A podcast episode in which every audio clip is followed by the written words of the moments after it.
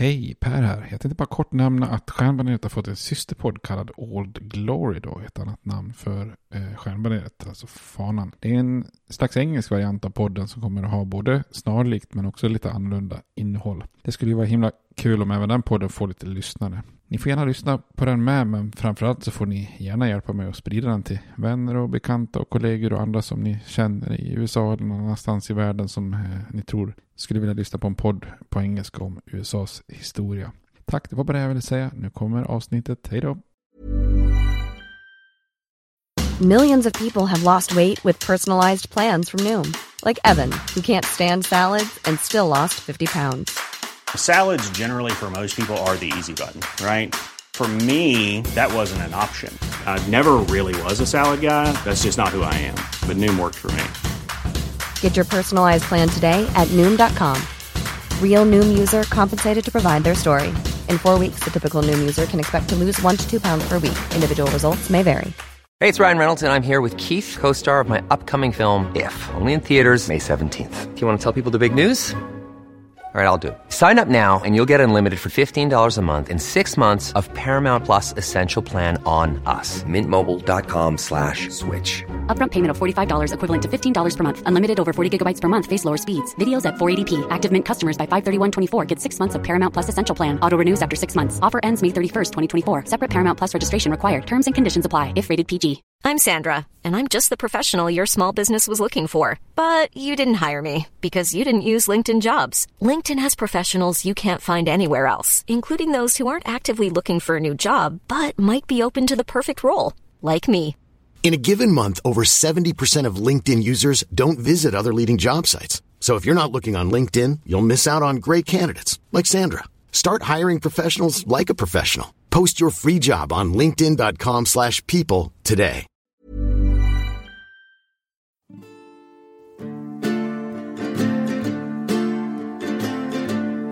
We hold these truths to be self-evident, that all men are created equal, that they are endowed by their Creator with certain unalienable rights, that among these are life, liberty, and the pursuit of happiness. Now we are engaged in a great civil war, testing that government of the people, by the people, for the people, shall not perish from the earth. And so, my fellow Americans, ask not what your country can do for you, ask what you can do for your country. I have a dream. My four little children will one day live in a nation where they will not be judged by the color of their skin, but by the content of their character. Mr. Gorbachev, tear down this wall. I did not have sexual relations with that woman, Miss Lewinsky. Ja, då hälsar vi välkomna till Stjärnbaneret, en podcast om eh, USAs historia. Hallå Robert. Hallå, hallå. Hur är läget? Jo, det är bra. Ja, du har varit och gottat dig i Köln. Ja, precis. Nej, Köln. Nej, Kiel. Kiel. Nej, Köln har du också varit i för Ja, men det är precis ett år sedan. Ja, just det. Så det, du kanske Ja. blandar ihop med det. Nej, men jag har varit på en liten resa till Kiel. Ja, härligt. Ja, hittar du några amerikanska spår? Eh, nej, jag letade inte så mycket. Historiska spår då. Ja. Eh, på inloppet där till, till Kiel så finns det ett monument över eh, tyska soldaterna som dog under första världskriget. Mm, okej. Eh, en sorts byggnad där. Den, den är inte jätterolig men det syns att det är ett monument. Eh, jag läste på lite om det. Tydligen så sa Hitler då när han invigde det 1936 att det var det fulaste monument han någonsin hade sett. men så, Okej. fullt så fult var det väl inte, tycker jag inte. Nej, okej. Nej. Så Han- inget amerikanskt men lite historiskt då. Han varit. tyckte det var så fult så det kändes som en dolkstöt i ryggen kanske. Ja, kanske. kanske. Ja, ja, ja det ser man. Ja, Eh, annars ju- är jag taggad faktiskt. Det ska bli kul. Nu har vi rört oss i de här årtalen lite tidigare. Vi har ju haft både ett avsnitt om Hamilton och ett om Burr. Och eh, det har ju varit här runt 1800 lite grann. Så nu, det är väl där någonstans vi ska fortsätta va? Men vart, vart var vi med översiktsserien? Kan inte du ta lite? Jo, precis. Ja, men med översiktsserien så um, har vi ju haft, eh, de senaste två avsnitten i översiktsserien har vi haft de här två presidentstyrena eh, under Washington och Adams som är efter att USAs konstitution har eh, blivit klart. Då. Så att det var det här federalistiska styret, det här federalistiska partiets styre. Mm. Och det har varit mycket präglat av den här ekonomiska politiken som eh, Alexander Hamilton lägger grunden till. Eh, och även lite grann inställningen till den franska revolutionen som har liksom lagt, lagt en liten splittring då. Och så uppstod ju det här första partisystemet av federalister och republikaner. Där egentligen båda sidor tror att det andra partiet ska förstöra landet och radera då, eh, revolutionsidealen. Och kulmen på den här kampen blir de här utlännings och uppviglingslagarna som vi pratade om och, och även då den här responsen med Virginia och Kentucky-resolutioner där. Ja, och så blev det här väldigt eh, kaotiska och känsliga presidentvalet 1800, alltså i sekelskiftet där, där republikanerna då och Jefferson vinner och blir ny president och man lyckas få till ett maktskifte som, som går fredligt till. Så det är väl lite grann där vi, vi ska ta vid, tänkte Ja. jag. Vi har ju pratat också mycket om, vi hade ju det avsnitt om John Adams och Abigail Adams som också är samma tidshärad. Då, då har vi ju pratat oss varma om och om igen för den här eh, ser- miniserien John Adams som, som då för ett riktigt tack till Henrik Ågren men också vår tidigare gäst där, Victor Heimer som har eh, sagt att det går, den går faktiskt på HBO. Så Mm, har man tillgång till HBO så kan man ju gott och väl sätta sig och titta på den serien. Den är ju riktigt bra. Ja, jag tittade på lite klipp som finns på YouTube också. Där, eh, ja, speciellt har jag tittat då när eh, Hamilton och eh, Adams pratar om diverse saker. Det finns lite kortare klipp sådär. Ja, okej. ja. Två Mm. gånger där Adams läxar upp Hamilton får man väl säga. Ja, det är bra. Så det, om man inte vill se hela avsnittet så kan man titta på lite sådana här godbitar från serien också. Ja, det finns säkert mycket på, kortare på YouTube också. Ja, Sen tänkte jag också, eh, många som lyssnar på amerikansk historia är ju också intresserade av amerikansk politik också. Det finns ju, det är säkert inte så många som har missat i så fall att, att Sveriges Radio har en riktigt professionell eh, USA-podd där man går igenom det dagsaktuella. Men jag skulle också vilja slå ett slag för eh, podcasten Kongressen med Jakob Stenberg som eh, Eh, som är, gör lite, kanske lite mer fördjupningar, eh, alltid intressanta gäster. Eh, ibland är det väldigt aktuella ämnen, ibland lite mer historiska tillbakablickar. Så att det är en väldigt bra podcast som jag tycker kompletterar ifall man vill ha lite mer nutids också. mm. Bra, men eh, innan vi går vidare så måste Du, vi... jag kan också lägga till där från en lyssnare. En, eh, en eh, gammal kompis, eller gammal, så gammal kom- kompis är han väl inte. Men vi har spelat fotboll ihop, Junior. Junior Falk heter han numera. Han hade en, en koppling där med Spiderman också. Att Spiderman eh, härstammar ju, eller liksom har sin bas i New York. Men han tycker inte riktigt att han liksom får uppmärksamheten där. Eh, och i något avsnitt eller i någon tidning där så flyttar han då, han tanken att flytta till Boston istället. Och bli deras första officiella superhjälte sådär. Okej. Och där, där ska han då ha mött tre stycken superskurkar där då. Varav en är The Salem Witch. Eh, En är någon sorts pilgrim. Och sen är det en som heter Slam Adams.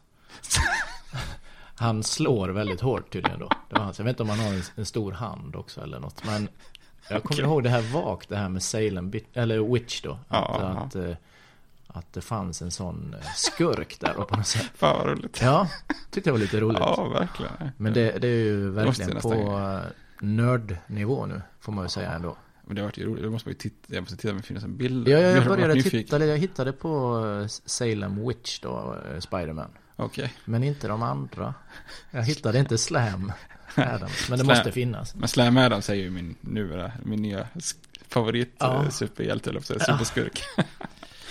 Så Ja. det, det skulle jag också vilja tacka för. Ja. Att eh, man får in lite tips så på, ja, vad ska man säga, andra saker än just historien. Då. Lite Ja, nutidshistoria får man ändå kalla det. Serietidningar, det har vi inte nämnt tidigare va? Seriefigurer. Nej, jag tror inte det. Nej. Kanske någon.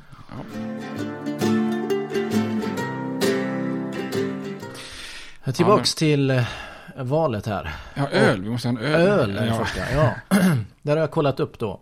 Det har vi ju nämnt tidigare här att det blir lite svårt nu när vi rör oss i samma områden och så. Men just Tom, Thomas Jefferson, han var väl själv eh, ölbryggare, har jag förstått det som. Det har man fått det bekräftat. Ja, men jag tror det. Jag tror, jag tror de, de flesta sådana här plantageägare gjorde mycket av sin, sin Mm. egen dryck. Så jag tror jättemånga, var- jag tror till och med finns någon så här Washington och Jeffersons recept och grejer och sådär. Ja. Han har i alla fall fått en öl uppkallad efter sig då. Thomas Jefferson Tavern Ale. Och Mm. tavernor har vi väl pratat om tidigare. Man hade väl ofta träffar eller möten på värdshus eller tavernor. Ja, precis. Säger man taverna på svenska? Finns det Ja, det tavernor? gör, det gör man väl. Eller är det ett förlegat ord? Ja, det är väl inte så ofta man använder det idag kanske, men det är väl ungefär som att gå på puben. Eller Ja, det måste väl vara eh, motsvarighet till ja. pub eller värdshus eller, Ja, eller restaurang. Typ restaurang. Re- Dåtidens restaurangpub slash eh, möteslokal. precis. Nej, men mycket, mycket av eh, den amerikanska revolutionen är ju på liksom, tavernor eller coffeeshops. Och där pratar vi bland annat förra avsnittet, Vermont. Deras konstitution skrevs ju på en taverna. Så Mm, att. Och jag tror till och med att när, när den kungliga guvernören förbjuder eh, den, den eh, representativa församlingen, alltså lagstiftande församlingen till exempel i många kolonier att sammanträda, då, då återsamlas man i, någon första bästa lokal och då är det till och med så att det ofta blir en taverna även där. Så, att, Ja. mm. så det är väldigt tidstypiskt. Ja. Det ska vara något gammalt recept där också. Det var med råg och honung och grejer i. Ja. Ja. Men jag vet inte om det är just ett gammalt eh, recept från Thomas Jefferson. Men ölen heter det i alla fall.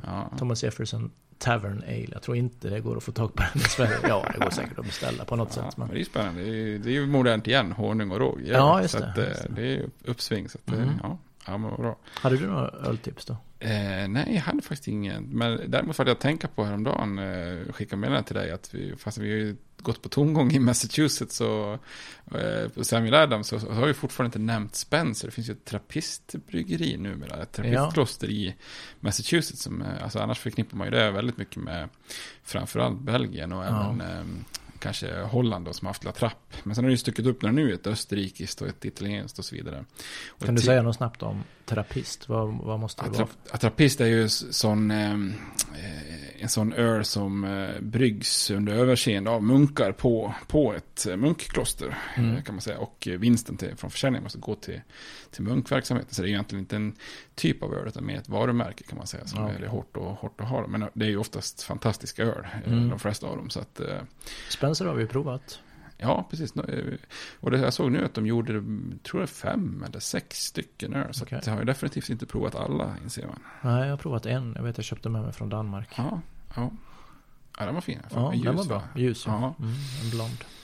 Nej, men det får man ju, det får man ju lägga vantarna på om man hittar Spencer. Ja. Ja.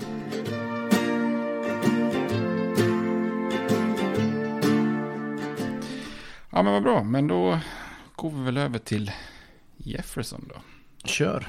Och jag tänkte vi kan ju säga först de här omröstningarna i det här legendariska presidentvalet 1800. De sker ju faktiskt i kongressen då i den nya huvudstaden som eh, ja men kanske lite optimistiskt kallat, kallas för Washington City då som är staden i det här District of Columbia. Det är ingen riktig city direkt stad vid det här laget då. Eh, Jag tänkte vi kan ju säga några ord om den här huvudstaden för det är ju en annorlunda lösning. Eh, För vid sekelskiftet 1800 då får man ju till slut då sin permanenta huvudstad. Innan har ju huvudstaden flyttat runt och den här kontinentala kongressen har ju fått fly, fly från den brittiska armén vid till, flera tillfällen under frihetskriget och hoppat runt i så här olika städer som Princeton och Trenton och olika. Men eh, i den här uppgörelsen som vi pratade om i, för några avsnitt sedan när man Södern och Madison gick med på och och Jefferson går med på att eh, stödja vissa av Hamiltons ekonomiska förslag så går ju Hamilton med på att man lägger då huvudstaden i södern. Och det är egentligen två stater, då Maryland och Virginia, som, som avträder lite mark då, en, en geografisk fyrkant som där den här stora potomacfloden eh, rinner rakt igenom. Så det är ungefär tre fjärdedelars eh, yta på Maryland-sidan och en tredjedel på Virginia-sidan. Eller en fjärdedel måste det bli. jag skriver en tredjedel. Eh, och det är ju, inkluderar ju två befintliga orter då. Georgetown eh, i Maryland och Alexandria i eh, Virginia då. Och Georgetown det blir ju lite som en mysig liten del. Det blir som gamla stan idag då i, i Washington då. Eh, men det här lilla området på Virginia-sidan kan man ju nämna, för det utvecklas inte alls på samma sätt då. Och i Alexandria så finns det en väldigt stor slavmarknad, så på 1800-talet blir man ganska oroad där över att slaverimotståndare ska ställa till bekymmer och sådär. Så de lobbar och vädjar om att Virginia ska ta tillbaka området. Så 1846 då när, när striderna om slaveriet börjar trappas upp så då tappar huvud, huvudstadsdistriktet den här delen som har till, tillhört Virginia. Så det är inte längre en fyrkant utan det är bara tre raka kanter på, på den norra sidan av floden då. Mm. Och man ger i uppdrag att bygga den här staden till eh, och huvudstadsdistriktet till en fransk arkitekt, Pierre Charles L'Elefant. Eller hur man uttalar det här, väldigt konstiga apostrofer. Jag är inte bra. Du är inte så bra på franska tycker jag. Värdelös. Ändå kan ju min fru ibland bara läsa lite franska hjälpa mig. Ja. Men jag glömmer ju bort hur man ska säga. Men George Washington i alla fall, hans, hans hem, Mount Vernon, ligger väldigt nära huvudstaden längs Potomacfloden där. Och han är väldigt delaktig i den här kartläggningen. Han har ju som vi nämnde från första början jobbat som lantmätare och, och så vidare. Så han är med och utformar den här staden. Och man skapar ju, han, den här franska arkitekten, han skapar ju en väldigt stor eh, och rymlig stad. Eh, och han, han lägger ut det här som kallas för The National Mall, eller The Mall, som är jättestora ytor i ett slags kors då. Eh, där man har presidentbostaden då, Vita huset och Jefferson, Jefferson Memorial i nord-sydlig riktning. Och sen i det andra korset då så har man kongressen i ena ändan och eh, Lincoln Memorial in, i en väst-östlig riktning då. Och så har man det här stora Washington-monumentet som är i, i mitten då, den här höga obelisken då. Mm. Eh, och det är där man ser oftast scener när, ja, som när Martin Luther King Ja, eh, aktuellt håller sin, eh, håller sin eh, I have a dream-tal där. Mm. Som, ja, det har varit ju aktuellt nu när det var jubileum då. Och, och så det, då är det ju det här, the mål som fylls. Jubileum får, kan man inte kalla det. Det är min, minnesdag, är det precis, fe- ja. 50 år sedan han Ja, blev skjuten? precis. Ja. Ja, nej. Ja. Uppmärksamma kanske inte var något bra jubileum. Nej, Skjut, så nej. där, ja. eh, och sen så bredvid om man tittar så högsta domstolen som ju börjar eh, sammanträda i kongressen egentligen. Som, de har ju fått en egen byggnad som ligger lite så här vid sidan av. Som kanske speglar att högsta domstolen har lite lägre status än kongressen och presidenten i början av historien. Då. Eh, men det är ju en väldigt trevlig stad idag, men, men den var ju jätteunderlig på den här tiden. Då, för många som besöker staden i början på 1800-talet tycker att det här är helt bisarrt, eh, konstigt. Alltså, det är ju mest som en enda stor öppen lervälling. Och varför bygga en stad liksom så utspritt? Liksom? Det blir ju knappt en stad. Då. Många av byggnaderna är heller inte färdigställda eller så stora som de är idag. Men tittar man då utifrån historien så var ju det här antagligen en jättebra, jättebra beslut och en jättebra plan. Då för, för, för nu är det ju en jätteluftig och rymlig och, och trevlig stad att besöka. Mm. Och huvudstadsdistriktet är ju inte egentligen en delstat som, som de andra då. Eh, Och det innebär ju att det, från första början så slår man fast att detta är den federala kongressen, alltså USAs kongress, som styr över området även i lokala frågor direkt. Då. Och det här blir ju lite av en het potatis då i konflikten mellan nord och syd. Eh, Att den nationella kongressen då eh, skulle kunna försl- eh, avskaffa slaveri eller slavhandel i huvudstadsdistriktet. Och det här blir också en börda för kongressen kan ju inte med tiden liksom styra i lokala frågor. Det blir, tar för mycket tid för dem då. Och lite konstigt också att vara bosatt här då, för man kan ju inte rösta i varken val till kongressen eller presidenten. Så det här leder lite till reformer. Så 1961 slår man fast att eh, invånarna får rösta i presidentvalet och att DC, då, District of Columbia, får tre elektorsröster. Och 1973 så får också distriktet så kallad home rule, alltså en egen borgmästare och ett 13-mannaråd som ska styra. Och det avlastar kongressen, men kongressen har fortfarande sista ordet då. Och det är lite anmärkningsvärt också att invånarna inte får rösta i kongressvalen, för det går ju lite emot själva grundtanken med USA, det som man protesterade mot Storbritannien ett tag, det här med eh, no taxation without representation och, Ja. så vidare, lokalt styre. Så. Men John Adams, som vi pratade om i, i avsnittet med, om eh, John Adams och hans fru Abigail, är ju de första som flyttar in i presidentbostaden. Eh, som inte vid den här tiden heter Vita huset än. Eh, men han har ju så kort tid kvar, då, så de är ju bara där i några månader.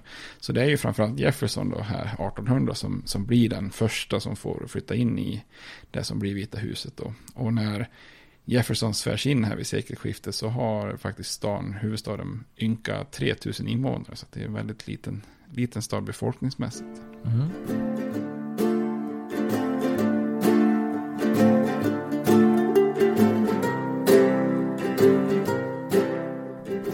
Tillbaks till Jefferson nu då.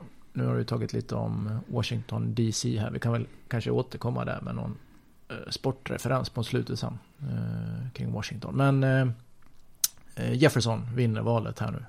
Och eh, han har väl säkert varit kritisk till mycket då av det som har skett innan honom. Eh, men gör han många förändringar nu i, i politiken och hur landet styrs och så vidare? Eller hur, hur lägger han upp det? Ja, men det är lite både och faktiskt. För han, han brukar själv beskriva valet 1800 då som, som revolutionen 1800. Eh, och som vi kommer att se så är det kanske lite att, ta i då. Men, men han gör ju definitivt avtryck och, och börjar ju helt klart gå i vissa delar i en helt annan linje än, än sina två föregångare då. Eh, dessutom har ju sin förbundsförvant Madison då, som utrikesminister och som också sen då efterföljare på presidentposten.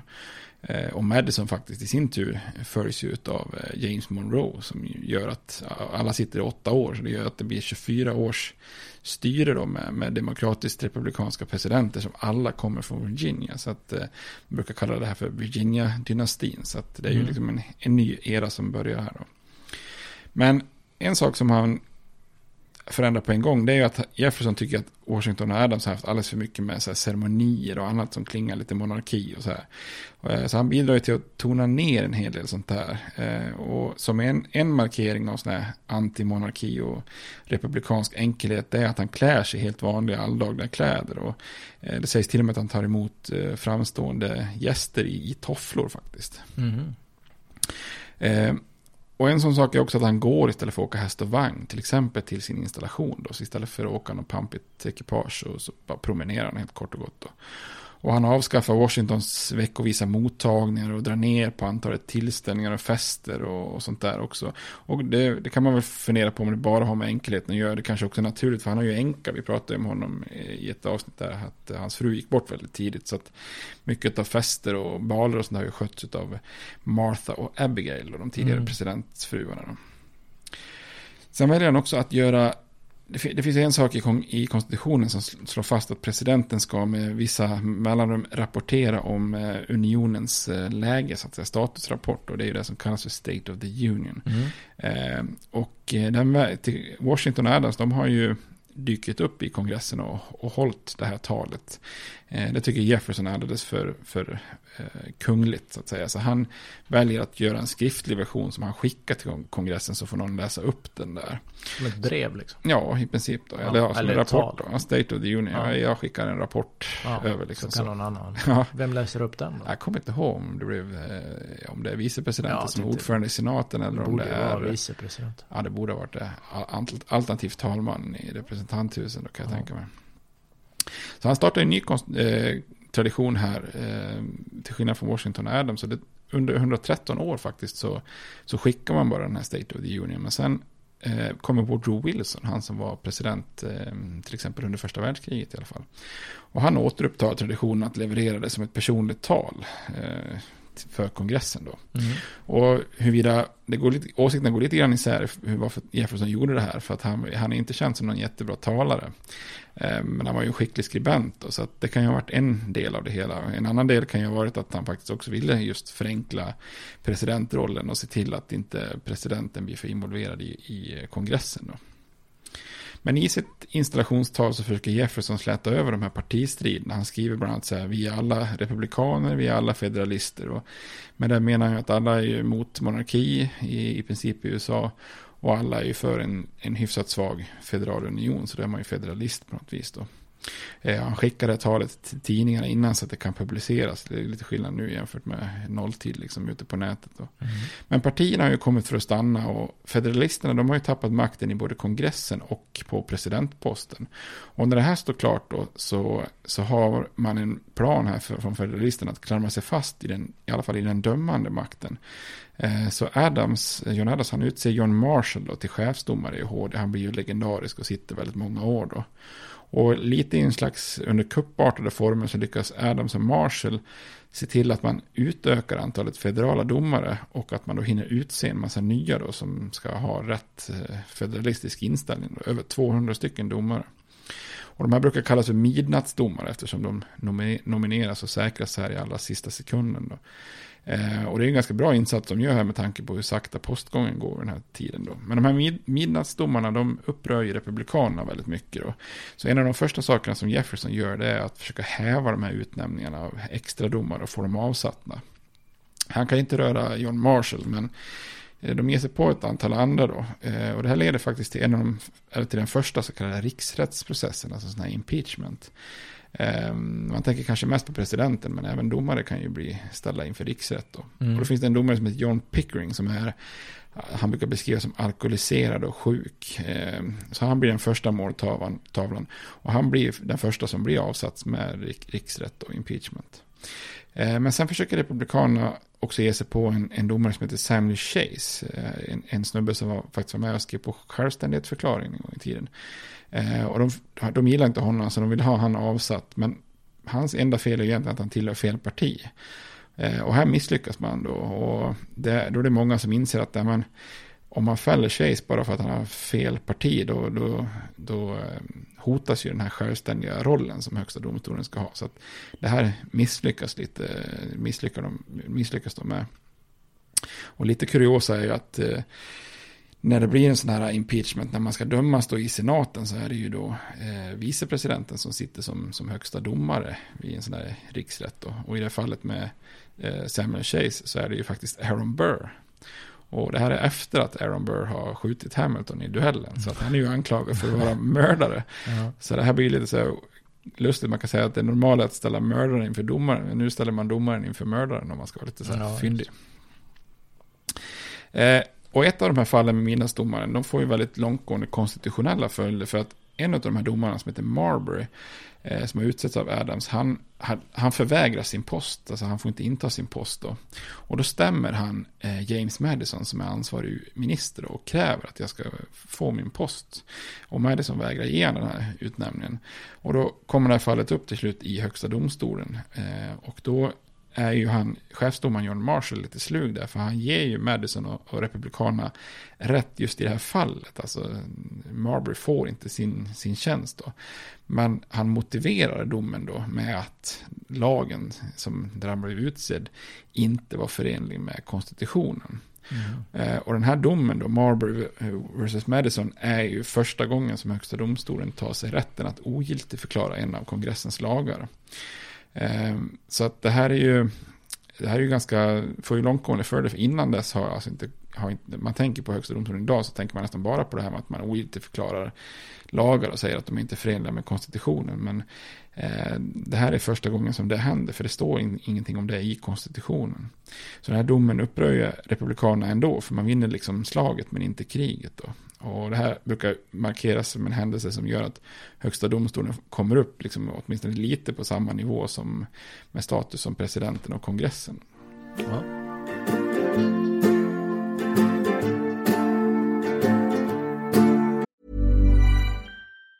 Hej, det är Ryan Reynolds och jag är här med Keith, co-star of my upcoming film If, only in theaters May 17th. Do you want to tell people the big news? All right, I'll do it. Sign up now and you'll get unlimited for $15 a month in six months of Paramount Plus Essential Plan on us. Mintmobile.com slash switch. Upfront payment of $45 equivalent to $15 per month. Unlimited over 40 gigabytes per month. Face lower speeds. Videos at 480p. Active Mint customers by 531.24 get six months of Paramount Plus Essential Plan. Auto renews after six months. Offer ends May 31st, 2024. Separate Paramount Plus registration required. Terms and conditions apply if rated PG. Hiring for your small business? If you're not looking for professionals on LinkedIn, you're looking in the wrong place. That's like looking for your car keys in a fish tank. LinkedIn helps you hire professionals you can't find anywhere else, even those who aren't actively searching for a new job but might be open to the perfect role. In a given month, over 70% of LinkedIn users don't even visit other leading job sites. So start looking in the right place. With LinkedIn, you can hire professionals like a professional. Post your free job on linkedin.com slash people today.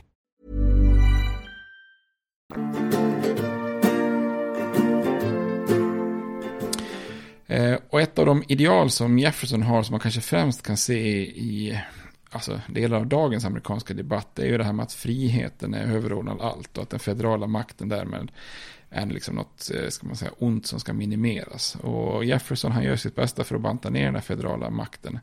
Eh, han minskar armén till bara en tredjedel eftersom han tror på det här, väldigt starkt på det här med att försvaret ska vara baserat på milistrupper. Mm. Då hade vi ju en rejäl genomgång när vi pratade andra tillägget. Ja, då, rätten, rätten, rätten till vapen. Då. Jag tror vi tömde det ämnet där. Ja, det känns ja. Eh, och han tar också bort alla försöken med nationell skatt då, vilket ju också gynnar södern eftersom den här tre femtedelsregeln kring representation, den gör ju Mm. omvänt när det gäller beskattning, att södern får betala mer i skatt, de får ju mer i representation, men de får ju också betala mer skatt, men Mm. är det finns det ingen nationell skatt så då får de bara representation, då, så det är ju gynnsamt för Jefferson och södern då.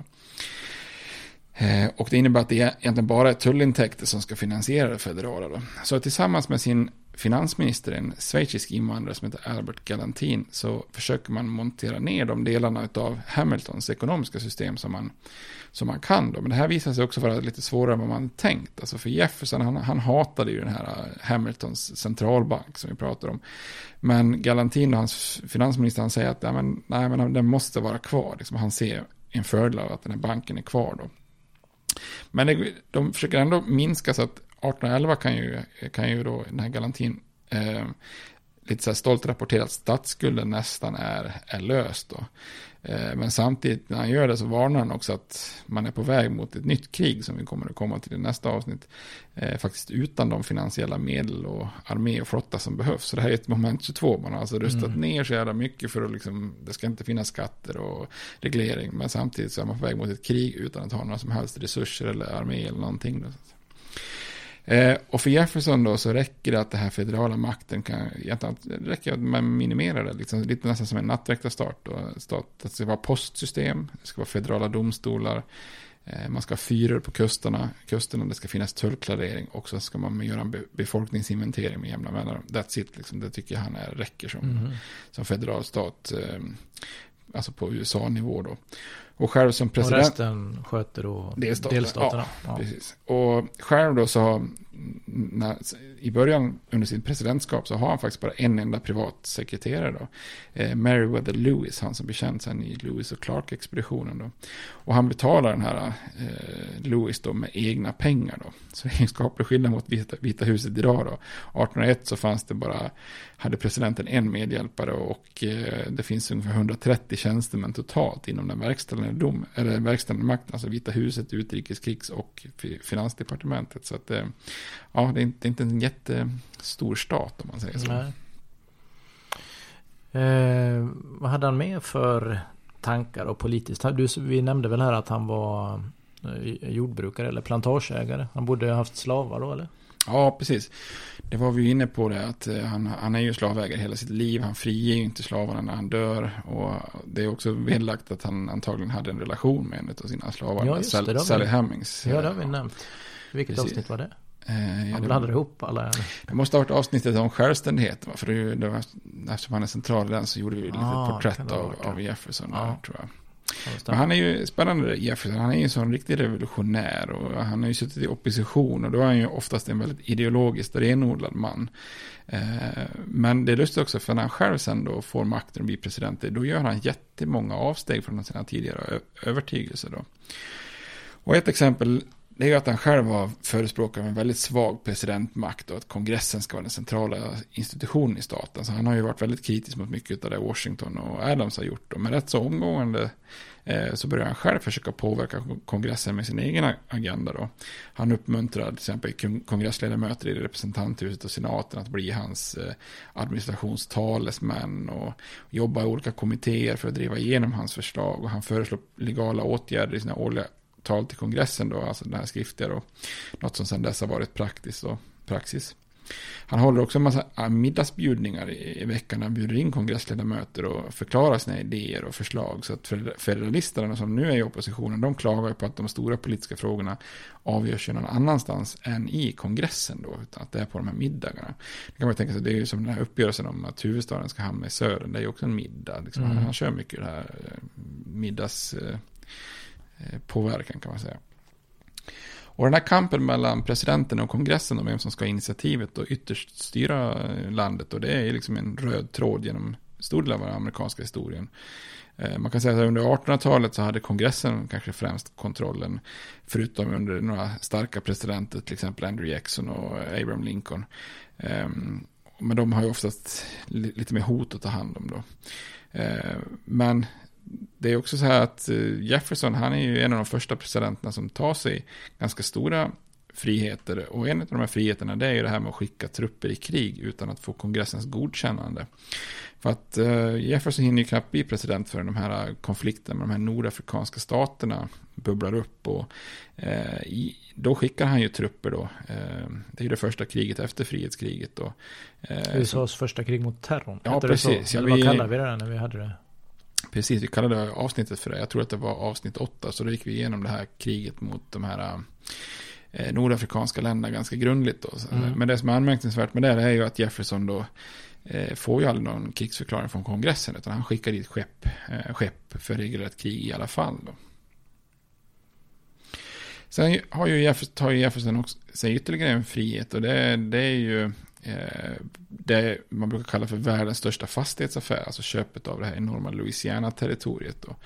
1802 eh, så stänger Spanien New Orleans, eh, som ju ligger vid Mississippi-flodens utlopp. Ja, precis. Mm. Vad heter det? Massa så här, ja, delta heter det. Mm. Massa, ja, precis. Ja. Um, Bra, floddelta. Floddelta. Kommer du ihåg det från geografin? Eller? Läste vi om det vet jag. Ja, pratade inte vår geografilärare mycket jo. om delta? Ja, ja, mycket om delta. Ja, ja, ja bra på geografi. Ja. Han, ja. Och om New Orleans stängs då blir det ju väldigt svårt för, för USA att skeppa ut varor längs Mississippi-floden. Eh, för de som har bosatt sig eh, väster om, om, om bergskedjan Appalacherna. Och då försöker USA köpa New Orleans, men det går inte Spanien med på. Och det här det är ju som sagt allvarligt därför att USA expanderar ju fort och, och nya stater tillkommer. Vi, vi pratar ju om Vermont 1791 som 14 stat. Men sen kommer ju då nya stater väster om Appalacherna. Kentucky 1792, Tennessee 1796, Ohio 1803. Och vill man i de här staterna skeppa varor till marknaderna så görs det ju på enkla båtar eller flottor som kan förstöras. Då. Så de flyter bara längs Ohiofloden och andra som rinner ut i Mississippifloden och sen söderut till New Orleans och så packas det om på båtar till östkusten eller Västindien eller Europa. Och så när, när Spanien stänger den här trafiken då blir det liksom kris i de här västra staterna då. Och det som är spännande då är att New Orleans faktiskt byter ägare ändå. Men det är ju då Napoleon som har ambitionen att försöka återuppliva det franska imperiet i Nordamerika. Och han förhandlar, eller ja, nästan tvingar till sig Louisiana-territoriet år 1800 från Spanien. Eh, för att börja bygga upp ett imperium. Men sen får han en väldigt svårt nederlag eh, i Haiti där svarta slavar gör uppror och besegrar alltså regelrätta franska styrkor. Och eh, som Napoleon skickar dit och som gör sig självständig då. Det här är ju någonting som är väldigt eh, oroväckande tycker man i den amerikanska södern också. Alltså slavar som gör uppror och lyckas skapa en självständig nation. Det är livsfarligt ja, i ett slavsystem. lite nervösa. Ja, va? precis. Börjar de darra lite på manschetterna. Mm. um, så, men, och det här gör, den här bakslaget gör att Napoleon, han, nej, men han ger upp det här amerikanska intressena. Han vill fokusera på kriget mot, eh, mot Storbritannien i Europa istället. Och då, då tänker han så här att nej, men då, då, kan jag ju behöva pengar istället. Och då är han ju villig att sälja då, inte bara New Orleans, utan hela det här stora området då. Eh, och det är tur för USA, för Spanien kanske var en nog så trubblig, eller vad säger man, nog så besvärlig granne. Men Frankrike hade ju varit ännu värre då. Eh, så Jefferson han är ju då villig att köpa staden och precis som han i samma läge som Napoleon kan tänka sig att sälja hela rubbet så har Jefferson skickat en amerikansk delegation med Robert Livingstone och James Monroe som sen blir president då. Och när de dyker upp där i, i Frankrike så då får de helt enkelt ett erbjudande om att köpa hela Louisiana-territoriet. Och efter lite så förhandlingar då så bestämmer man sig för att eh, prislappen skulle kunna bli 15 miljoner dollar. Det här mm. sker då 1803. Och det här är en sjukt bra affär för USA för att Louisiana-territoriet är ju inte alltså bara dagens lilla Louisiana-delstaten, utan det här sträcker sig från eh, dagens Louisiana och sen norrut och nordväst upp ända till Kanadas gräns då. Undrar hur säker man är på hur stort det här territoriet är vid den här tiden. Alltså, ni, ni får det här området, det sträcker sig ungefär dit. Ni kommer gå, ni kommer se liksom ett berg. Där, där, och så har ni lite bortanför det här berget, men inte ända fram till nästa flod. Nej. Utan där, eller hur, hur gjorde man? Hade man så bra koll på västern då? Nej, eller alltså, det här är ju, vad säger, mellan västern blir det nästan va? Ja, precis. Det här är ja. nästan, eh, nästan okänt territorium. Ja. ja. Eh, nej, men de, de lägger in i kontraktet så plus minus en meter. ja. Nej, de Nej men ju... det är, jag har ju tittat här, det är ett gigantiskt område. Ja. Det får man väl Nej, de... rekommendera lyssnarna att göra också. Titta, det är ju jättestort. Undrar ja. hur, bra koll man hade exakt på vad det här var. Nej, det var superdålig koll alltså för att det är ju så med de amerikanska gränserna där, gränserna mot Kanada och Mexiko och olika, så här, det får man ju liksom successivt reglera mer i detalj i takt med att liksom, bosättningarna kommer mm. västerut. För, för de bara ritar på kartan så, här, så är de ju, som du säger, de kanske drar gränsen vid en flod eller ett berg och så vet de inte riktigt var det går så att säga. Nej. Det blir jättemycket konflikter då. Men om man tar fram tryck på paus och tar ni fram en kartbok då. För att det här området inkluderar ju alltså dagens Arkansas, Missouri, Iowa. Får jag stoppa dig där? Ja. Ta fram en kartbok. jag tror att man, ni, ni, kan då använda en dator också. Eller en smartphone och bara söka. Ja, det... Jag tror inte ni behöver ta fram en kartbok. Det märks, men, att, det märks att du är lärare. Du, ja, det, ja. Du, du verkar jobba med en väldigt modern pedagogik. ja, jag gillar kortböcker, det gör jag. Det är jättebra verktyg, men det har ju kommit något som är bättre och snabbare och ja. tydligare. Men det är klart, en, en klassisk kartbok. Ja, någonting men, man kan hålla i handen. Ja. Men det är inte säkert att alla har det hemma, tänker jag. Nej. Nej. Så fortsätt. Ja. Hur ser området ut? Ja, som sagt, fram med kartboken. Och sen, sen så in, det inkluderar alltså Arkansas, Missouri, Iowa, Oklahoma, Kansas, Nebraska. Eh, och dessutom då stora delar av dagens Minnesota, North och South Dakota, eh, de östra delarna av Montana, Wyoming och Colorado eh, och mindre delar av New Mexico och Texas. Och sen då dagens delstat Louisiana väster om Mississippifloden. Så det här är ju ett enormt område. Det, man kan, USAs yta fördubblas ju i, i princip i ett enda slag här. Och med en sån här galet bra affär så kan man ha viss förståelse för att Jefferson faktiskt slår till då. Men han är tveksam också utifrån konstitutionen här och han möts ju också av protester och både från, alltså inom sitt eget parti och de här federalisterna som menar att det här, att agera så här och köpa det här området är ju lite olagligt. Ehm, Eh, inte ens kongressen hade befogenheter att göra ett sånt här köp, utan man tänker sig att det kanske borde accepteras liksom av delstaterna i unionen som någon slags tillägg till konstitutionen. Eller sånt där mm. Men republikanerna röstar igenom förslaget ändå då i, eh, för att man tycker det är för bra för att liksom fastna i det här. Då. Så i december 1803 så kan man då hissa stjärnbaneret i eh, New Orleans, då, staden New Orleans. Mm. Så det är synd, annars hade kanske inte jazzen uppstått. Nej. Nej. Men undra, ja det kan man ju snabbt räkna säkert på någon, var det i dagens pengavärde då? 15 miljoner ja, dollar så det där? Ja, precis. Motsvarande ja. 15 miljoner dollar. Så mm. det är ju, ja, vad ska man säga? Eh, det, det, ja, det ju Oavsett vad kostnaden är idag alltså, så är det ju ett väldigt bra köp. Ja, ett klipp. Ja, ett väldigt klipp. Ja, verkligen. Eh, men det är ju så, Jefferson får ju smaka lite på sin egen medicin här då, för han har ju varit väldigt kritisk mot eh, att Washington till exempel godkände Hamiltons centralbank. Och det här är väl nästan att ta ytterligare ett steg från konstitutionen då. Mm. Eh, så det är lite roligt att när han väl är president så tolkar han konstitutionen ungefär som Hamilton gjorde för att uppnå sina viktigaste handlingar. Så att det, han vänder lite kappan där efter vinden då. Men det här gör också att det uppstår en falang inom det här republikanska partiet som brukar kallas för Old Republicans, alltså gammelrepublikaner där som kritiserar Jefferson väldigt hårt. För de tycker att, men vänta stopp nu, han har ju övergett alla sina ideal och principer här nu som man hade från första början. Och det, så de vill liksom se en återgång, att partiet måste gå tillbaka till sitt sanna ideal då, där från 1790 när man var i opposition mot Hamilton. Och det är roligt, med en av de här äh, främsta så kallade Old Republicans, det är John Randolph eh, från Virginia, så extremt excentrisk man då. Eh, han brukar ta med sig sina två jakthundar till representanthuset. Mm. så han dyker upp där med två, två stora jävla hundar. Och, eh, och då är det en väldigt känd amerikansk politiker som heter Henry Clay, som vi kommer komma in på väldigt mycket mer. Då. När han blir talman eh, ungefär vid den här tiden, så då tycker han att det här är konstigt. Han beordrar att de här hundarna ska ut. Eh, och gissa vad som händer då. Ja, jag tror det. Jag skulle gissa på en hundkapplöpning, men det blir inte en hund. Nej, men det blir väl duell då? Ja, precis. Ja, det, blir, det blir duell. Ja, det kanske blir en hundkapplöpning också.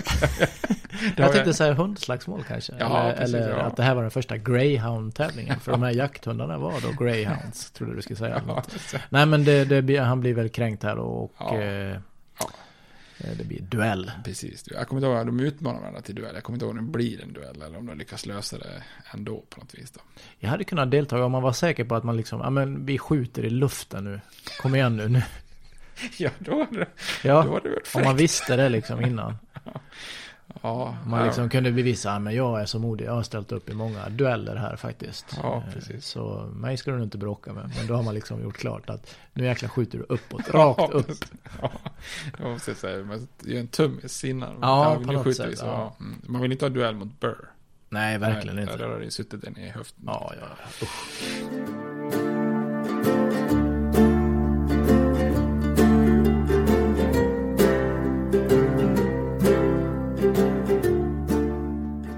Men det här Louisiana-köpet i alla fall, det ger ju upphov till den här klassiska Lewis och Clark-expeditionen då. För Jefferson, han är ju som vi pratade om när vi gjorde ett porträtt av Jefferson där i, i, i något avsnitt, att han är ganska väldigt intresse, eller intresserad av eh, geografi och natur och djur och växter och massa sådana olika saker. Så att då startar ju han en expedition som ger sig av västerut för att hitta Missouri-flodens källa, är liksom deras ursprung där. Att de ska hitta det här långa, långa flodsystemet, Mississippi, Missouri-floden, källan då. Så mellan 1803 och 1806 då så ger sig den här eh, Lewis och Clark-expeditionen av, ger de sig av västerut över Klippiga bergen och de fortsätter ju eh, faktiskt så att till slut kommer de ju fram till Stilla havskusten där vid Colombiaflodens mynning då. Och det här gör ju att USA kan, kan göra anspråk på, de här, på det här enorma Oregon-territoriet som finns uppe i, i motsvarande nordvästra USA bland annat. Eh, som vid, vid den här tiden inte är amerikansk mark. Eh, och så det här är ju också en viktig händelse för liksom, den nationella stoltheten att de lyckas göra en sån här expedition. För det tar ju som sagt tre år, det är väldigt omfattande Mm. och väldigt strapatsrikt. Jag tror att historiepodden har gjort, en avs- gjort ett avsnitt om det. Det är väldigt eh, detaljerat liksom så här, hur, vilka utmaningar de har. Så det är ju en, det är en ganska stor bedrift kan man säga. Det måste jag in och lyssna på. Mm, det tycker jag. Det här är ju, och det här, det här, jag kan inte tänka på den här expeditionen utan att tänka på filmen Almost Heroes. Ja, precis. det är ju Matthew Perry och han Chris Farley. Ja, det är en av mina favoritkomiker. Ja. Får man säga. Ja, han gick bort för ett antal år sedan. Ja, han levde ju ett väldigt, väldigt hårt liv. Ja, ser ju, eh, droger och alkohol och ser ju nästan mat. galen ut. Lite Ja, eh, ja. stor också kanske. Ja, Ja. Ja, Han hade nog inget hälsosamt liv så sett. Men han var mm, fantastisk eh, komiker och ja, skådespelare kan man väl säga också. Ja, han var mycket på Saturday Night. ja, det är många som slår igenom där först. Ja. Det gjorde väl han också och gick vidare och spelade lite olika roller. Han hade någon där han var en sån här motivational speaker. I, I live by a van down by the river. Underbart. Ja, Jag, jag, jag var tvungen att kolla, kolla på några bilder och lite info. Jag såg att han gjort den här filmen Beverly Hills Ninja. mm, den har jag sett också. Men det är väl inte den man ska nämna när man nämner Chris Farley kanske. Nej, nej. Ja, fantastiskt. Matthew Perry då? Är det en favorit från dig? Du Nej. tittar väl en del på Vänner? Ja, men, oh, men vänner kollade man mycket på, men eh, ja, jag vet inte. Var det självvalt eller var det så här sitta med dåvarande flickvän och titta på Vänner? Nej, men vi hade varit ett gäng som körde så här äh, vännerfika. Alltså, någon, någon gjorde så här Det kladdkaka. Ja, det var det vi pluggade i Karlstad. Ja, det var det? Ja, Åh, så, att, ja, så kollade man på vänner, ja. Men var han en favorit då? Vad hette han? Chandler Bing hette han va? Chandler, ja, nej, jag vet inte. Nej. Eh, Ja, men han var ju ganska sarkastisk. Ja, ganska jag rolig. han var Ja, ganska rolig. Han kanske var bäst i världen, men han har inte riktigt slagit något stort Nej, efter. samma. Tror att filmen Almost Heroes är hans höjdpunkt. Ja. Det kan vi väl fastslå att det är tycker jag. Ja, precis. Fick man se lite Chris Farley, du, vår kompis Henrik i Karlstad, eller som vi programmet i Karlstad. Ja. Så Han gillade väl också Ja, Chris Farley. ja, vi såg mycket filmer. Tommy Boy är ju en, då är han väl med David Spade. De hängde ihop i många filmer också, som också var från Saturday Night Live där. Kan man ju rekommendera. Och Black Sheep har han ju också. Känns som att han är ett black sheep.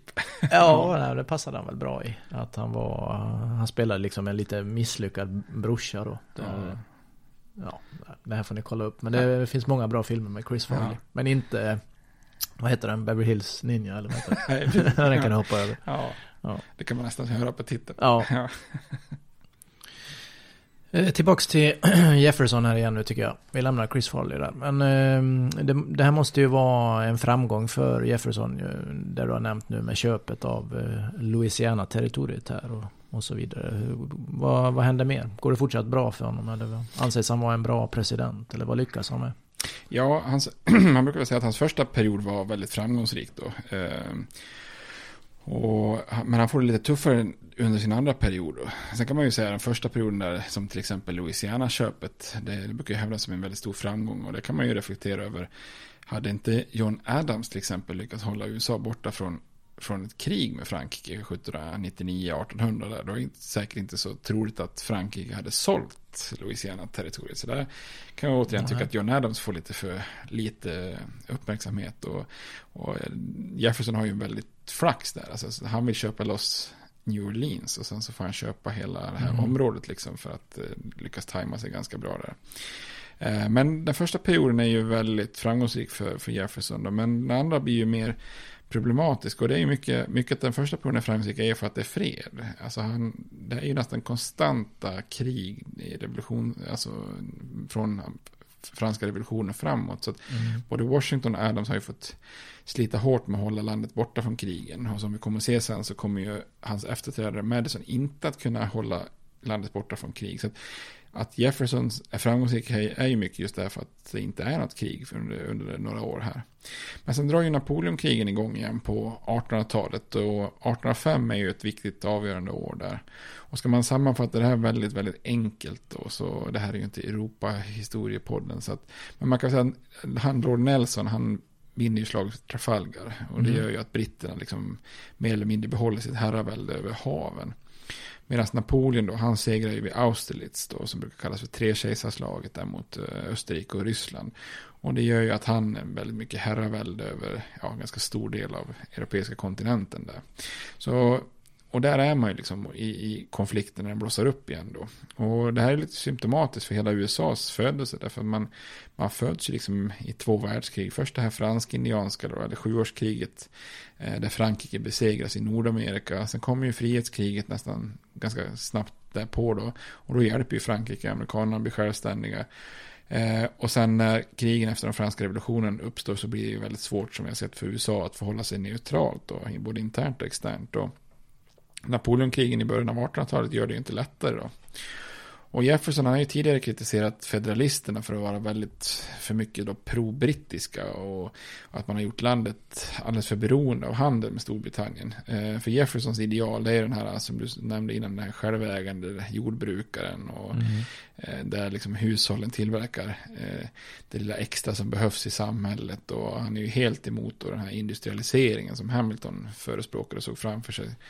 Eh, så idealet för honom skulle vara någon form av USA som var självförsörjande och inte behövde Europa så mycket för varken import eller export. Och förutom möjligtvis då tobak som han själv odlar liksom, mm. och de, de här grödorna i södern. Då. Ehm, men trots det så, han, han trodde mycket på det här med, med frihet för handel och sjöfart på haven. Och eh, det han upptäcker här när han blir president är ju att hans den här mer ideologiska hållningen kanske inte alltid funkar i en mer liksom praktisk realpolitisk värld. Och där britterna egentligen kontrollerar haven. Då. Så den brittiska flottan den fortsätter ju att trakassera amerikanska fartyg då, och man ägnar sig åt jättemycket av det här med att man tvångsrekryterar sjömän då. Man behöver hela tiden nya sjömän till flottan då. Så ungefär under ett antal år här så är det ju uppåt en 2500 sjömän som, som kidnappas egentligen, amerikanska. Mm. Eh, och det här väcker väldigt mycket avsky i USA. Det är inte så jävla konstigt heller. Det är liksom en främmande ja. nation som bara kidnappar ens gubbar liksom över till, till, till brittiska skepp. Liksom. Eh, och Napoleonkrigen är ju igång då för fulla muggar från 1803 då. Eh, och då förklarar britterna en blockad mot all europeisk kust som kontrolleras av Frankrike. Och så förbjuder man alla skepp att handla med fransmännen. Eh, och Napoleon kontrar ju med att deklarera en blockad av de brittiska öarna och att alla neutrala skepp som, som lyder den brittiska blockaden kommer att beslagtas av fransmännen. Så där, där, där liksom USA hamnar något sånär i kläm där. Liksom. Ja. Det, det, spelar inte så roll hur de än gör blir det ju fel. Liksom, ja. Och det gör att man då öppnar upp sig för att man blir trakasserad av båda länderna. Men det är speciellt en händelse som, som väcker avsky och rör upp känslorna i USA då. Och det är ju ett amerikanskt skepp som heter Chesapeake, efter den här stora bukten, Chesapeake-bukten. Eh, som, det här skeppet har några brittiska desertörer ombord. Eh, och då blir, blir man då beordrat av ett brittiskt skepp som heter Leopard. Eh, att stanna då. Och när man inte stannar så, och väg, eller vägrar stanna så, så öppnar britterna eld mot skeppet då. Så tre amerikaner dör i den här lilla striden. Och det här sker liksom inte ute på någon slags långt ute på Atlanten på öppet hav, utan det här sker i själva Chesapeake-bukten då, långt, långt, långt in på amerikanskt territorium då. Mm. Så man kan i princip stå där på stränderna i, i Maryland och Virginia och titta på, titta på det här striden då. Och då känner sig Jefferson lite tvingad att agera här och, och det är här hans, liksom, hans övriga politik blir ett litet moment 22 då. För problemet här är att han, han har ju han har ju inte så mycket att agera med då, tack vare sin, sin eh, ideologi. Alltså militärt kan han ju inte agera för han har ju själv minskat armén och flottan nästan till mm. obefintligheten. Eh, hans lösning på ett kustförsvar är små, små, små kanonbåtar som bara ligger vid kusten. De kan ju inte gå ut på öppet hav så det är inte så mycket, man kan inte gå till offensiven då. Så hans lösning blir då ett, ett totalt handelsembargo som införs 1807 då. Amerikanska skepp förbjuds alltså att lämna hamn om de avser att segla till en utländsk hamn. Eh, och alla utländska skepps, skepp förbjuds att avsegla från USA med amerikanskt gods. Så att det är i princip att inget amerikanskt gods får lämna USA för att hamna i Europa då. Det måste ju vara, var får de in pengar från då? Nej, nej precis. Bra, bra fråga. Det här blir ju fullständig katastrof då. Det här kanske är ett av de eh, typ sämsta politiska besluten under hela den här tidsserien, ja, skulle man kunna säga. Det, det, drabbar ju väldigt mycket USA snarare än Europa. Ja. att, eh, hans tanke var att det skulle drabba Europa. Men, men mellan de här, om man tittar tillbaka, så mellan åren 1790 då, när man eh, har skrivit konstitutionen och nationen börjar liksom komma igång ekonomiskt, fram till 1807 då, så har den amerikanska exporten femdubblats och nu så bara stryper de den här exporten helt då. Så många av kuststäderna blir ju svårt lidande och speciellt då i, det lite mer handelsorienterade New England där man ju nästan gör uppror då för de, de är inte så förtjusta i Jefferson och Södern redan som det är då. Eh, men även i södern, för där, där ruttnar ju tobak och bomull blir oplockad och så vidare. Det kommer det hårda protester. Eh, och den federala staten hamnar ju också lite grann i kris. För även om Jefferson har bantat ner den så är det ju tullar som är enda intäkten. Och stryper man då i handeln så kommer det inte några tullar och då blir det ju ingen budget heller. Liksom. Eh, så politiskt får ju det här lite döende federalistiska partiet en, ett litet uppsving här då. Eh, och det är just i det här ögonblicket som han 1808 då väljer att kliva åt sidan Jefferson. Eh, att, att nu har jag varit president två perioder och nu då gör han som Washington. Att han ställer inte upp för eh, omval, en tredje mandatperiod. Eh, det är ju ingen som gör det fram till, jag tror vi nämnde någonstans, förrän Franklin Delano Roosevelt gör det under andra världskriget. Mm. Eh, för att ingen vill verka vara lite hybris och verka bättre än Washington. Då. Så att Jefferson han ger ju inte sin efterträdare Madison en särskilt bra situation att ta över här. Nej, och det kommer vi till i nästa avsnitt då.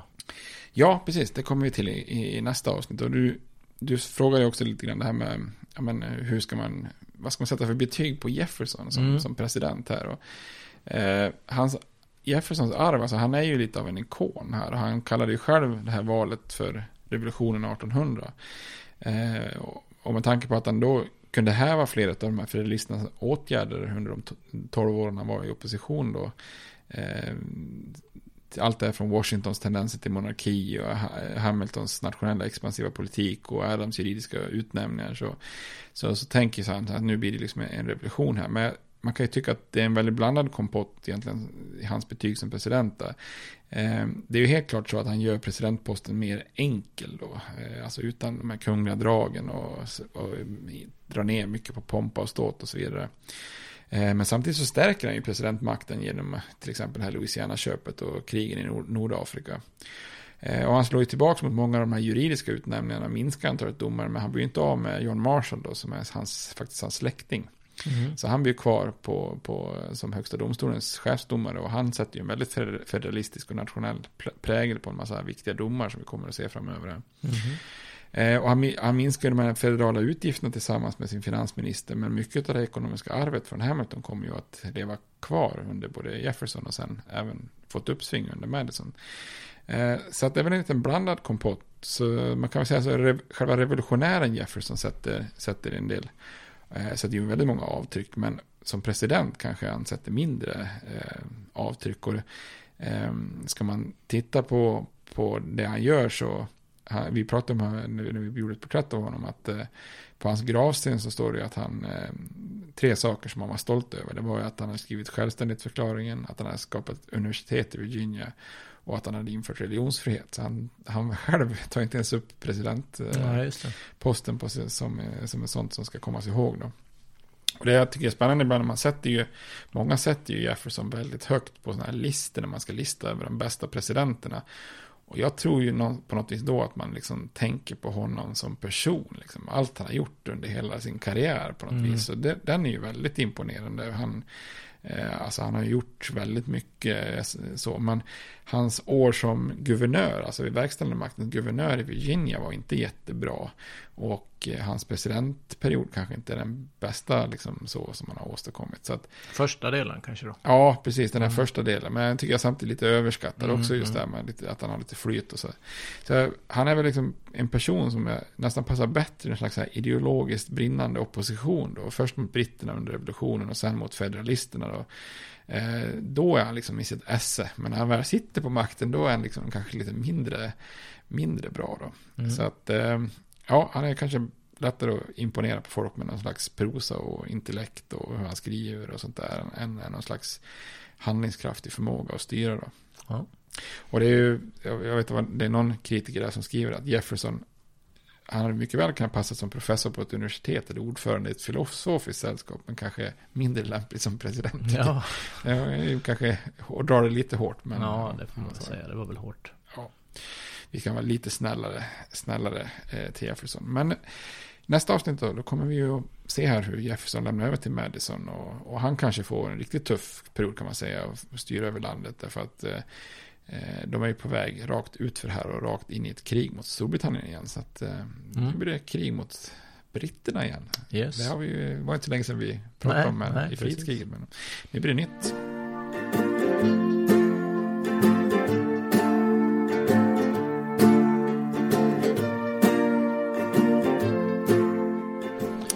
Ha, har vi något, vad tänker du på Jefferson då? Så visst har vi får lova någon sport? Nej, ja, alltså vi sa ju här att vi skulle återkomma till Washington, alltså staden, DC.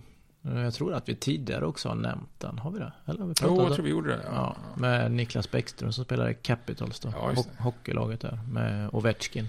Precis. Eh, spelar inte en Burakovsky där också? Är det inte sonen till... eh, Robert. Ja. Jo, Ja, är där han är? Ja, det jag kan tror det.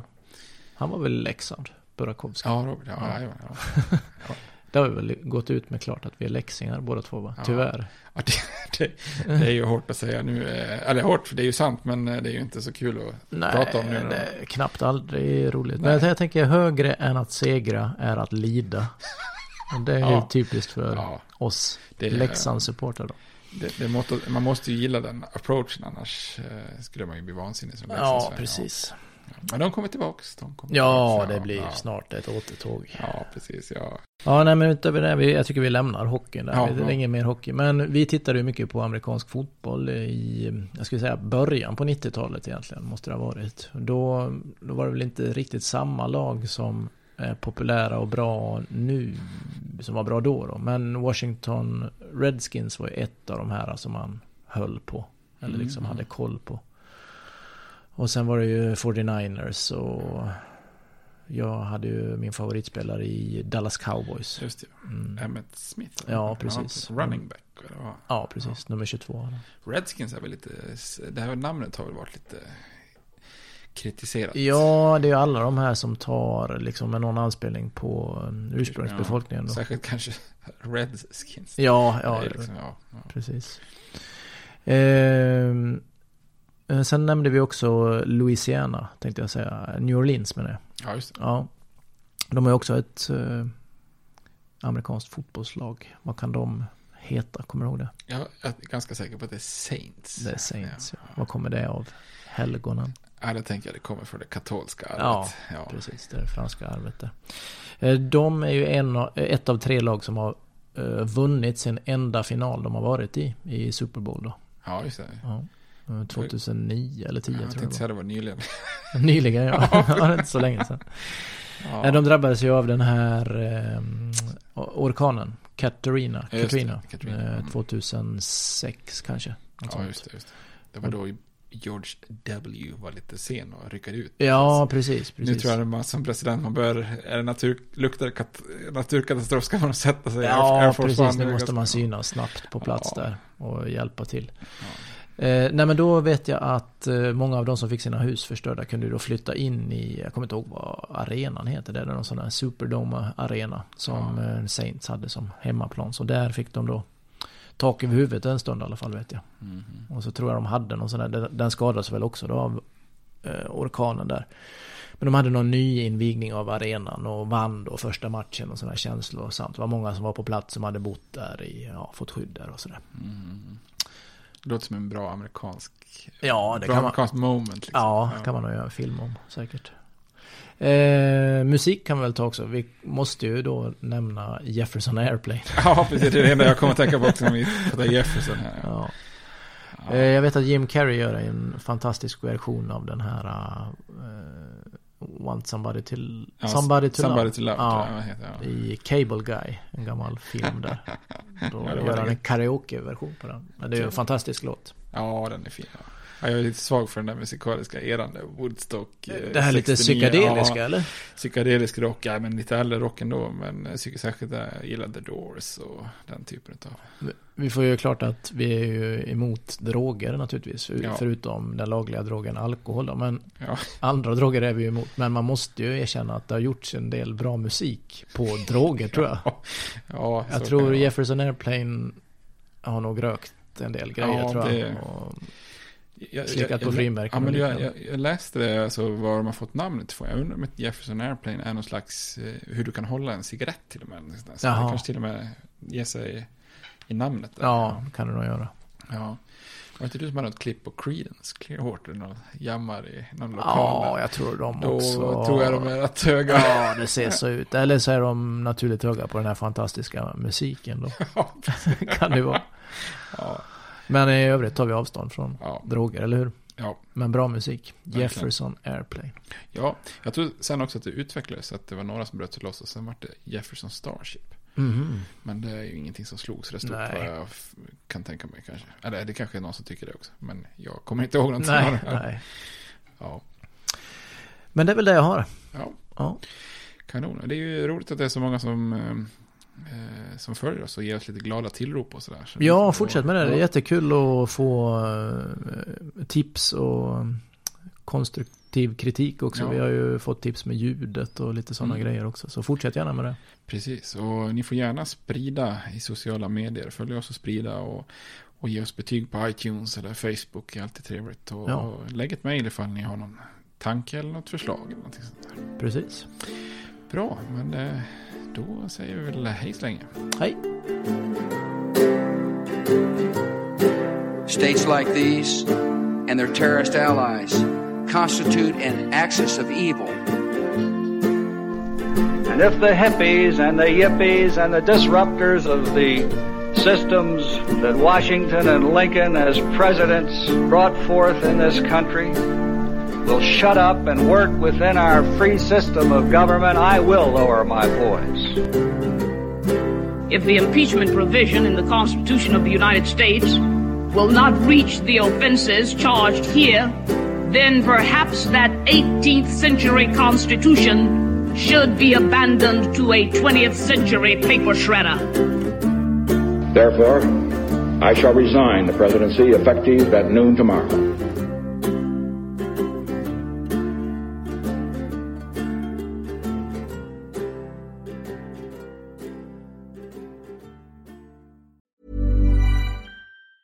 Hey, it's Danny Pellegrino from Everything Iconic. Ready to upgrade your style game without blowing your budget? Check out Quince. They've got all the good stuff shirts and polos, activewear, and fine leather goods, all at 50 to 80% less than other high end brands. And the best part? They're all about safe, ethical, and responsible manufacturing. Get that luxury vibe without the luxury price tag. Hit up quince.com slash upgrade for free shipping and 365 day returns on your next order. That's quince.com slash upgrade.